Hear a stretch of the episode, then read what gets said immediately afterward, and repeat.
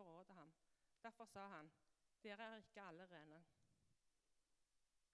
Da han hadde vasket føttene deres og tatt på seg kappen, tok han plass ved bordet igjen. Så sa han til dem, 'Forstår dere hva jeg har gjort for dere?' Dere kaller meg mester og herre, og dere gjør meg rett, for, for jeg er det. Når jeg som er Herren og Mester, har vasket deres føtter, da skylder også dere å vaske hverandres føtter. Jeg har gitt dere et forbilde. Slik jeg har gjort mot dere, skal også dere gjøre. Slik lyder Herrens ord.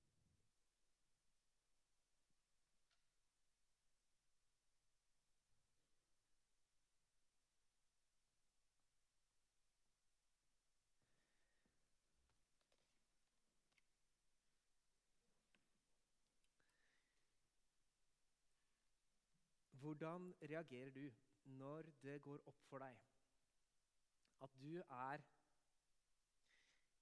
at du er den viktigste personen eller, eller, den mest mektige personen i det rommet du er i. Om det er, eller om det er enten det er styrerommet, om det er klasserommet, garderoben, om det er på jobb eller hjemme med familien. Hva gjør du når det går opp for deg at det er du som skal ta en avgjørelse? Det er du som har makten til å avgjøre dette. Og er, jeg tenker at det er litt norsk, norskt å tenke at vi alle på en måte er helt like. Og dermed også tenke at jeg har ikke så mye ansvar i dette her. Det er liksom ikke Jeg betyr ikke så mye i det store og hele. Og så og så er det jo, Faktum er jo at noen har mulighet til å ta avgjørelser. Avgjørelser tar vi jo hele tiden på vegne av andre, på vegne av fellesskapet. Og så sier Det sier mye om deg og meg, hva vi gjør i dette øyeblikket. egentlig. Hvordan vi håndterer makt. Hvordan vi håndterer innflytelse, autoritet og ansvar. Mange historier blir fortalt om menn eller kvinner med innflytelse eller makt. Om hvordan de ofret noe for å kunne gjøre noe for oss. Eller folk som fulgte dem. Det kan være konger, politikere, ledere, læreren din eller foreldre. Foreldrene dine. Mange blir husket fordi de ga avkall på noe for å gjøre noe for andre. er vel egentlig poenget.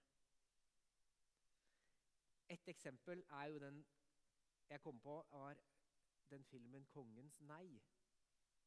Og et sånt stort eksempel på hvor kong Harald sa nei til tyskerne under krigen. Kong Haakon. Kong Haakon sa nei til tyskerne under krigen. Og det ble laget film om det som var om for to år siden, par, par år siden. Jeg så den nemlig.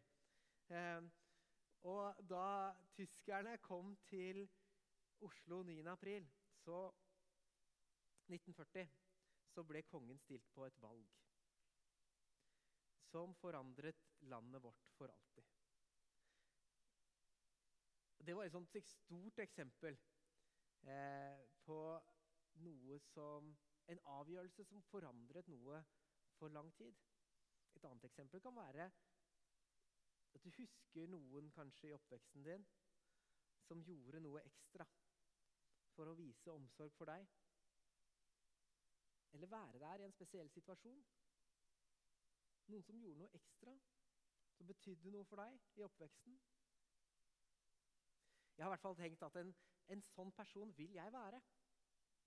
En som gjør det rette i de avgjørende øyeblikkene. Men så kan det hende at ingen av oss egentlig vet hvordan vi vil reagere om vi hadde kommet i samme situasjon som våre helter. Ingen av oss vet egentlig hvilken retning vi vil gå, eller hvilken, eller hvilken avgjørelse vi vil ta, før vi står oppe i situasjonen. Og i Davids tilfelle, før han eller i Davids tilfelle før han får kronen, så vet han kanskje ikke hva han skal gjøre. Da David var en liten gutt, Eller kanskje han var rundt 13 år, tipper jeg. Da kom profeten Samuel hjem til ham. Altså han, kom, han, bodde hos faren sin, så han kom jo hjem til faren hans, Isai. David han var ikke hjemme den dagen, han var på jobb. Og Samuel fortalte, at, fortalte Isai at han var kommet for å ofre til Herren. Gjør dere rene og hellige, og kom med meg til ofringen, sa han. Så helliget han Isai og sønnene hans og innbød dem, innbød dem til ofringen, står det. Jeg vet ikke egentlig om Isai visste hva han var med på akkurat da. Men han fikk beskjed om å vise fram sønnene sine for Samuel.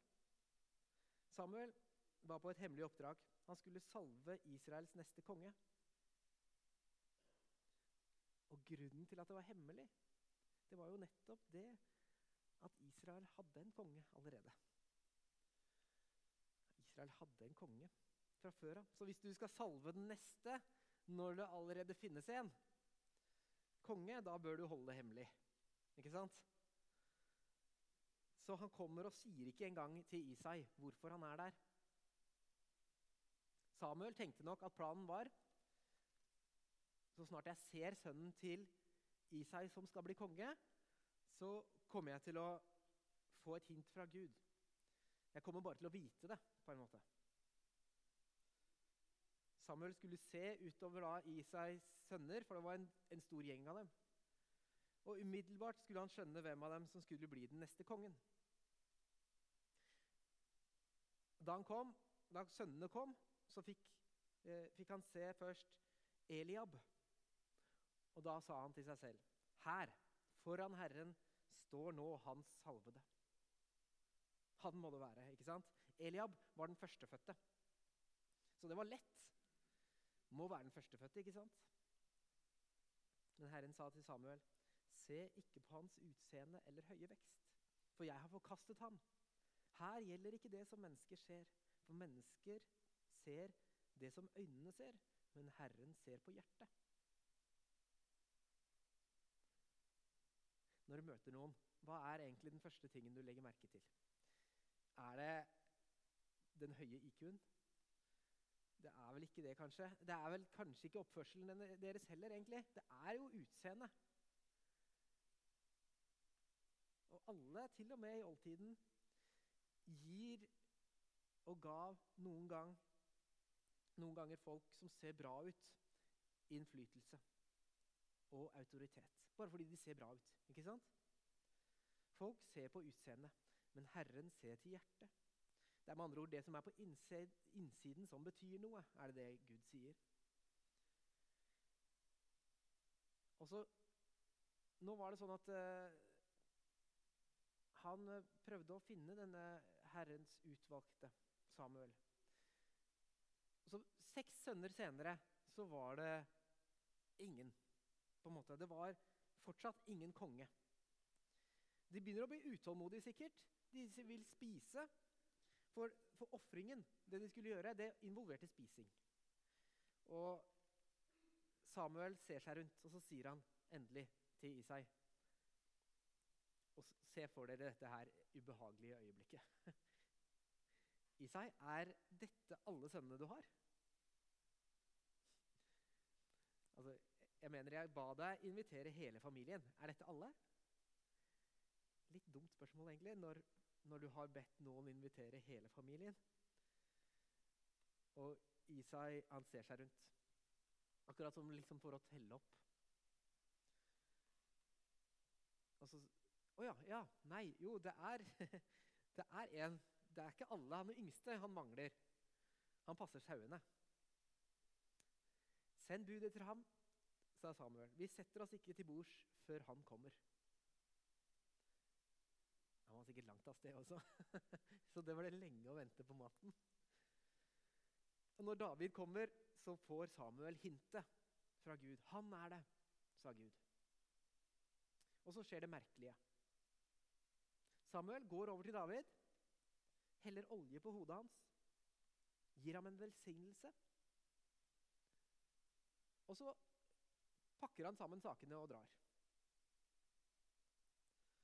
Og hele familien står der bare Hva skjedde nå? For det er ikke noe tegn til, noe tegn til at, David, nei, at Samuel fortalte Isai hva han salvet David til. Hva var egentlig dette greia? Hva var det han salvet David til? Det får vi ikke vite. Det står bare i teksten til oss lesere. Men siden han var en liten gutt, så har, eller siden han var i ungdomsskolealder, så visste David at Gud hadde en spesiell plan for ham. Og kanskje to år senere så dreper han Goliat. Han blir en sensasjon over natten. Og de neste syv årene så går alt bra for David. Så faktisk så blir han gift med en av kong Sauls døtre. Han blir bestevenn med Jonathan, som er kongens eldste sønn, altså han som skal overta tronen. Så i sju år så er det bra. Og som vi hørte om for to uker siden, så føler Saul seg truet plutselig. Han blir sjalu. Han prøver å drepe David, og han utlover en, utlover en dusør. Og David blir en flyktning. Og De neste åtte årene er David på farten. Gjemmer seg med sin gjeng av menn som ikke passer inn i samfunnet. Han eh, prøver å ikke skifte helt side til filisterne. For det var jo fienden til kong Saul. Men samtidig så må han holde seg så langt unna Saul og alle som støtter kong Saul, at han ikke blir tatt. Hele tiden gjør han dette vel vitende om at Gud hadde utvalgt ham til noe spesielt. Han vet bare ikke hva det er. Kanskje det viktigste David lærte av disse årene i ørkenen, var dette. At det ikke handler om meg. Det handler ikke om meg. Det handler om Guds vilje, Guds vei og Guds timing. Guds vilje, Guds vei og Guds timing. Ved to anledninger har David mulighet til å drepe kong Saul. Og da kan man jo se for seg at han kan ta over rollen som konge, ikke sant? Ganske lett. En av mulighetene kom da David gjemte seg i en hule, og kong Sauls menn gikk forbi. Rett foran hulen der David gjemmer seg, så må kong Saul på do. Han stopper og kommer seg av hesten og går inn i hulen. Han går ikke så langt inn, for der sitter Davids menn. Og jeg kan tenke meg at det var ganske mange av dem òg. Ganske stor hule. Saul stopper i utkanten og setter i gang. Eh, så, og, og, Saul er nå i den mest utsatte posisjonen som noen kan være i, tror jeg. Og Davids menn sier da til David nå, nå er dagen kommet. Se her, nå er dagen kommet som Herren hadde i tankene da han sa til deg, jeg skal gi deg fienden din over i dine hender, så du kan gjøre med ham som du finner det for godt. Men David snakket mennene sine til rette og ga dem ikke lov til å gå løs på, Saul. Saul var Herrens salvede, og David hadde lært av sin egen historie. Han ville ikke ta saken i egne hender igjen. Rett og slett. Så Saul gjorde seg ferdig, satte seg på hesten og var på vei bort. Og da reiste David seg, gikk ut av hulen og ropte etter ham. 'Herre konge!' Saul så seg tilbake, og David bøyde seg ned med ansiktet mot jorden. Han sa til Saul, 'Hvorfor hører du på folk som sier at jeg prøver å gjøre deg ondt?' I dag har du sett med egne øyne at Herren ga deg i mine hender i hulen. De sa at jeg skulle drepe deg, men jeg sparte deg, for jeg tenkte jeg vil ikke legge hånd på min herre, for han er Herrens salvede. Se her. Min far, sier han faktisk. Her har jeg fliken av kappen din i hånden. Se, når jeg har skåret fliken av kappen din uten å drepe deg, må du da skjønne og forstå at jeg ikke har ondt eller svik i sinne. Jeg har ikke forbrutt meg mot deg. Det er du som er etter meg og vil ta livet av meg. Det var den ene gangen. Dette her. Men David får sjansen igjen, han. Senere så er Saul og hæren hans i Sif-ørkenen. Og det er bare en bred, åpen slette med bølgende åser. Det var nesten ingen trær. Og David hadde sendt ut spioner for å finne ut hvor Saul var. Han måtte det, for sånn at han kunne holde seg skjult. Eller sånn at David kunne holde seg skjult, altså. Holde seg unna Saul. Men en rapport kommer som sier at de er i Sif-ørkenen, og at de har slått leir for natten. Og David kan bare ikke motstå dette, så han tar med seg en gruppe menn over en ås for å se leiren der Saul og hæren hans har lagt seg til å sove. Og kong Saul hadde gjort det som konger alltid gjør. Han hadde bestemt seg for å overnatte midt i hæren sin, ikke sant? med hæren sin rundt seg. Han er omgitt av ca. 3000 menn, står det. Og spydet hans står i bakken ved hodet. For det var sånn de sov. Alltid klar, ikke sant? Alltid beredt. Og David han snur seg til sin venn Abishai og sier, 'Abishai, jeg har en veldig dårlig idé. Blir du med meg på den?' Og Abishai han sier ja. Og så går de, de to inn blant Saul sin hær om natten. Og så kryper de da seg forbi hæren og livvaktene og er nå rett ved kong Saul. Abishai sa til David, står det. Eller jeg tipper egentlig han hvisket. Jeg ville hvisket. Ett støt med spydet er nok. Gud vil det, Gud vil det. Hvordan kan vi ellers forklare at vi står midt i kong Sauls hær? Ingen har oppdaget oss, og vi står ved siden av en sovende kong Saul. Og når denne hæren våkner, så vil de erklære deg konge, David. Men David hvisket tilbake til Abishai. Jeg nekter. Jeg nekter å bryte Guds vilje for å få Guds velsignelse. Dette handler ikke om meg. Men la oss ha det litt moro. Ta Sauls spyd. Jeg tar vannkannen hans. Og så kryper de ut av leiren. Går opp på en åside og venter på at sola står opp, tipper jeg. Venter litt på der. Og når solen kommer opp, og de er i en silhuett, så begynner han å rope ut fra åssiden. Abner! Abner! Abner! Abner han var sjefen for kongens livvakt. Abner! Abner! Mangler du noe? Og så alle gjenkjenner Davids stemme og ser ham holde opp et spyd. Og Det ser ut som om han holder en vannkanne også. Og Abner ser seg rundt. Og kong Sauls spyd mangler. Og vannkannen hans er borte. Og så forsvinner David og mennene hans inn i ørkenen. Og David nektet å erstatte han som Gud hadde plassert på tronen. Hvorfor det? Guds vilje, Guds vei og Guds timing. Det måtte skje etter Guds vilje, Guds vei og Guds timing. Litt senere så blir både Saul og Jonathan drept av filisterne i krig. Begge de to mennene som sto i veien for at David skulle bli konge. Ikke sant? Nå er det helt åpent.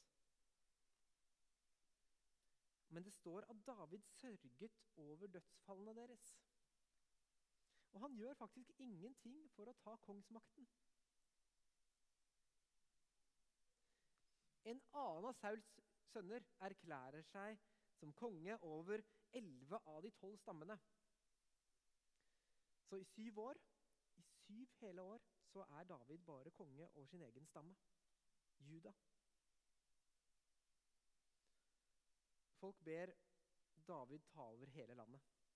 Men David insisterer på at det må skje etter Guds vilje, Guds vei og Guds timing. Og David er blitt 30 år da Ishbosjet, han andre kongen Han andre, ja, Det var sønnen til kong Saul. Han blir drept Alle forsto at David, hadde, David var utvalgt til å bli konge. De kunne, bare, de kunne bare ikke forstå hvorfor han ikke bare tok makten. Hvorfor han ikke bare tok tronen da han hadde mulighet. Og det som skjedde var at Alle de eldste i Israel kom for å gi kong David i Hebron Eller kom, kom for å gi han makten. Kom til Hebron, til der David var konge, for å gi han hele landet, rett og slett. Og da viser David sin sanne storhet, egentlig, tror jeg. Tenker jeg. Der David bruker alt han har lært. Han, han holder nå alle kortene. Hans ord er lov. Han er den mektigste personen i rommet, for å si det sånn. Men David han blir konge over hele landet. Ikke ved å innta landet, men ved å slutte en pakt med de eldste. De kommer til ham og ber ham om å bli konge. Det er det som skjer. Han hadde ikke trengt å love dem noe som helst. Han kunne jo bare tatt makten. Han hadde jo all makt. Men dette er hans måte å fortelle folket at han vil være en konge under en annen autoritet. Han binder seg til en avtale. Han underkaster seg Guds lov. Han binder seg til å være en leder som selv er bundet av loven. Og det er veldig nytt for en konge.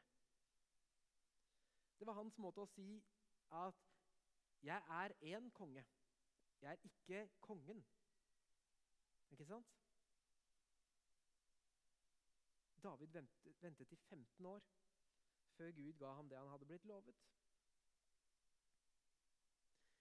Og På den tiden så lærte han det som skulle til for at han skulle bli en god og rettferdig konge. Han lærte at lederskap alltid er å tjene. At selv konger er ansvarlige.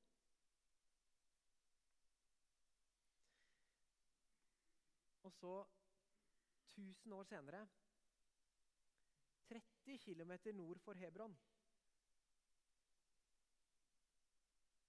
Det er som herfra til Stavanger, det. 30 km nord for Hebron, der, der eh, David var konge.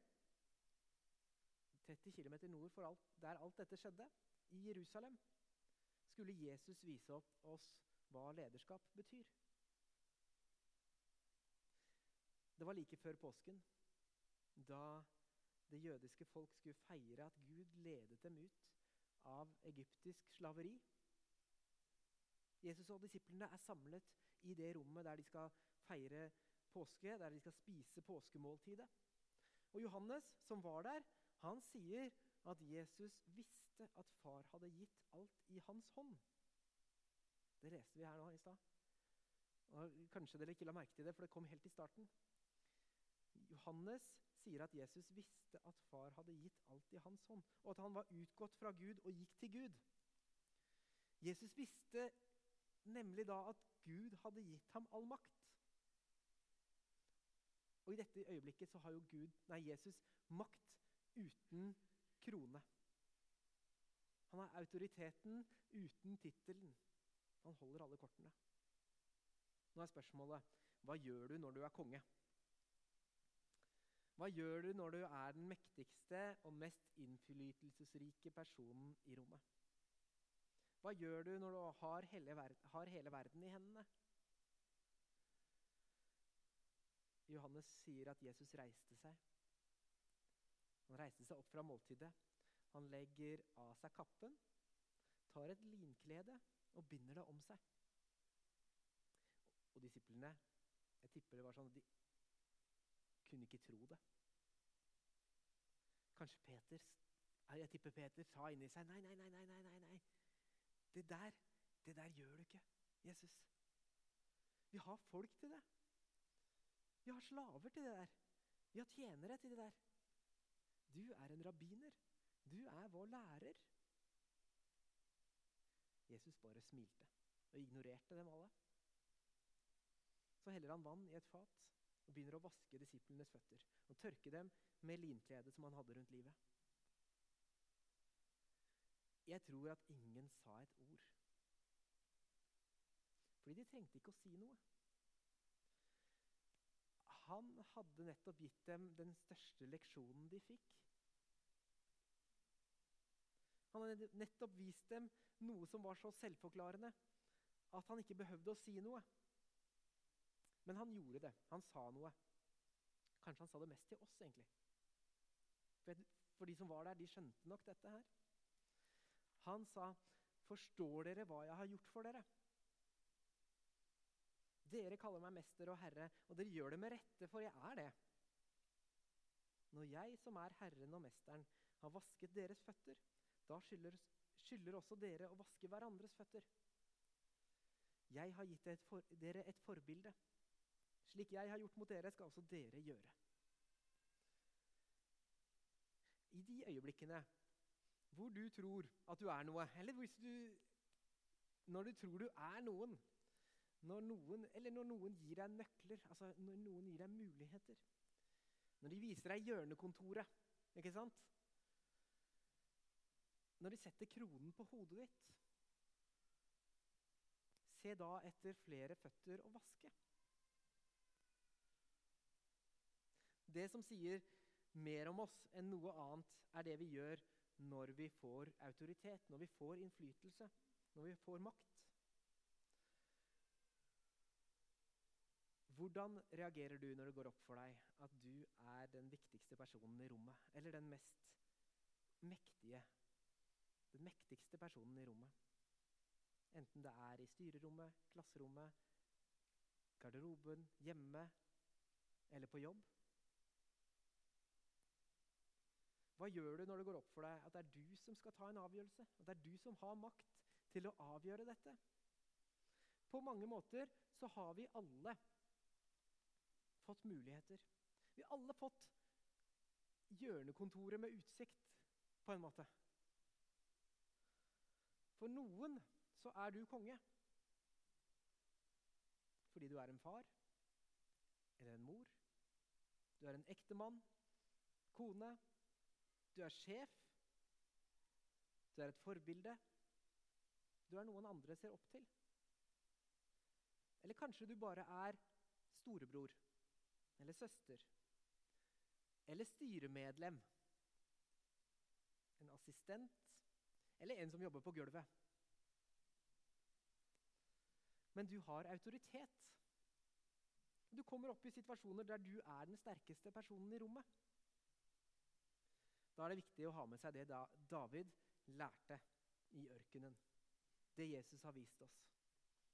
For ikke engang menneskesønnen er kommet for å la seg tjene, men for selv å tjene og gi sitt liv som løsepenge for mange, står det.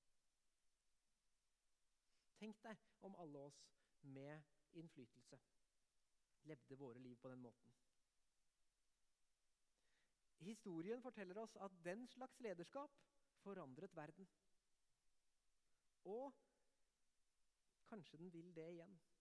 Når det går opp for deg at du har makt, du har autoritet, og du har innflytelse. Se etter en måte å vaske flere føtter på. Se etter en måte å bruke det du har fått, til fordel for de andre menneskene i rommet. Det var det Jesus gjorde for deg og meg. Ære være Faderen og Sønnen og Den hellige ånd, som var og er og blir en sann Gud fra evighet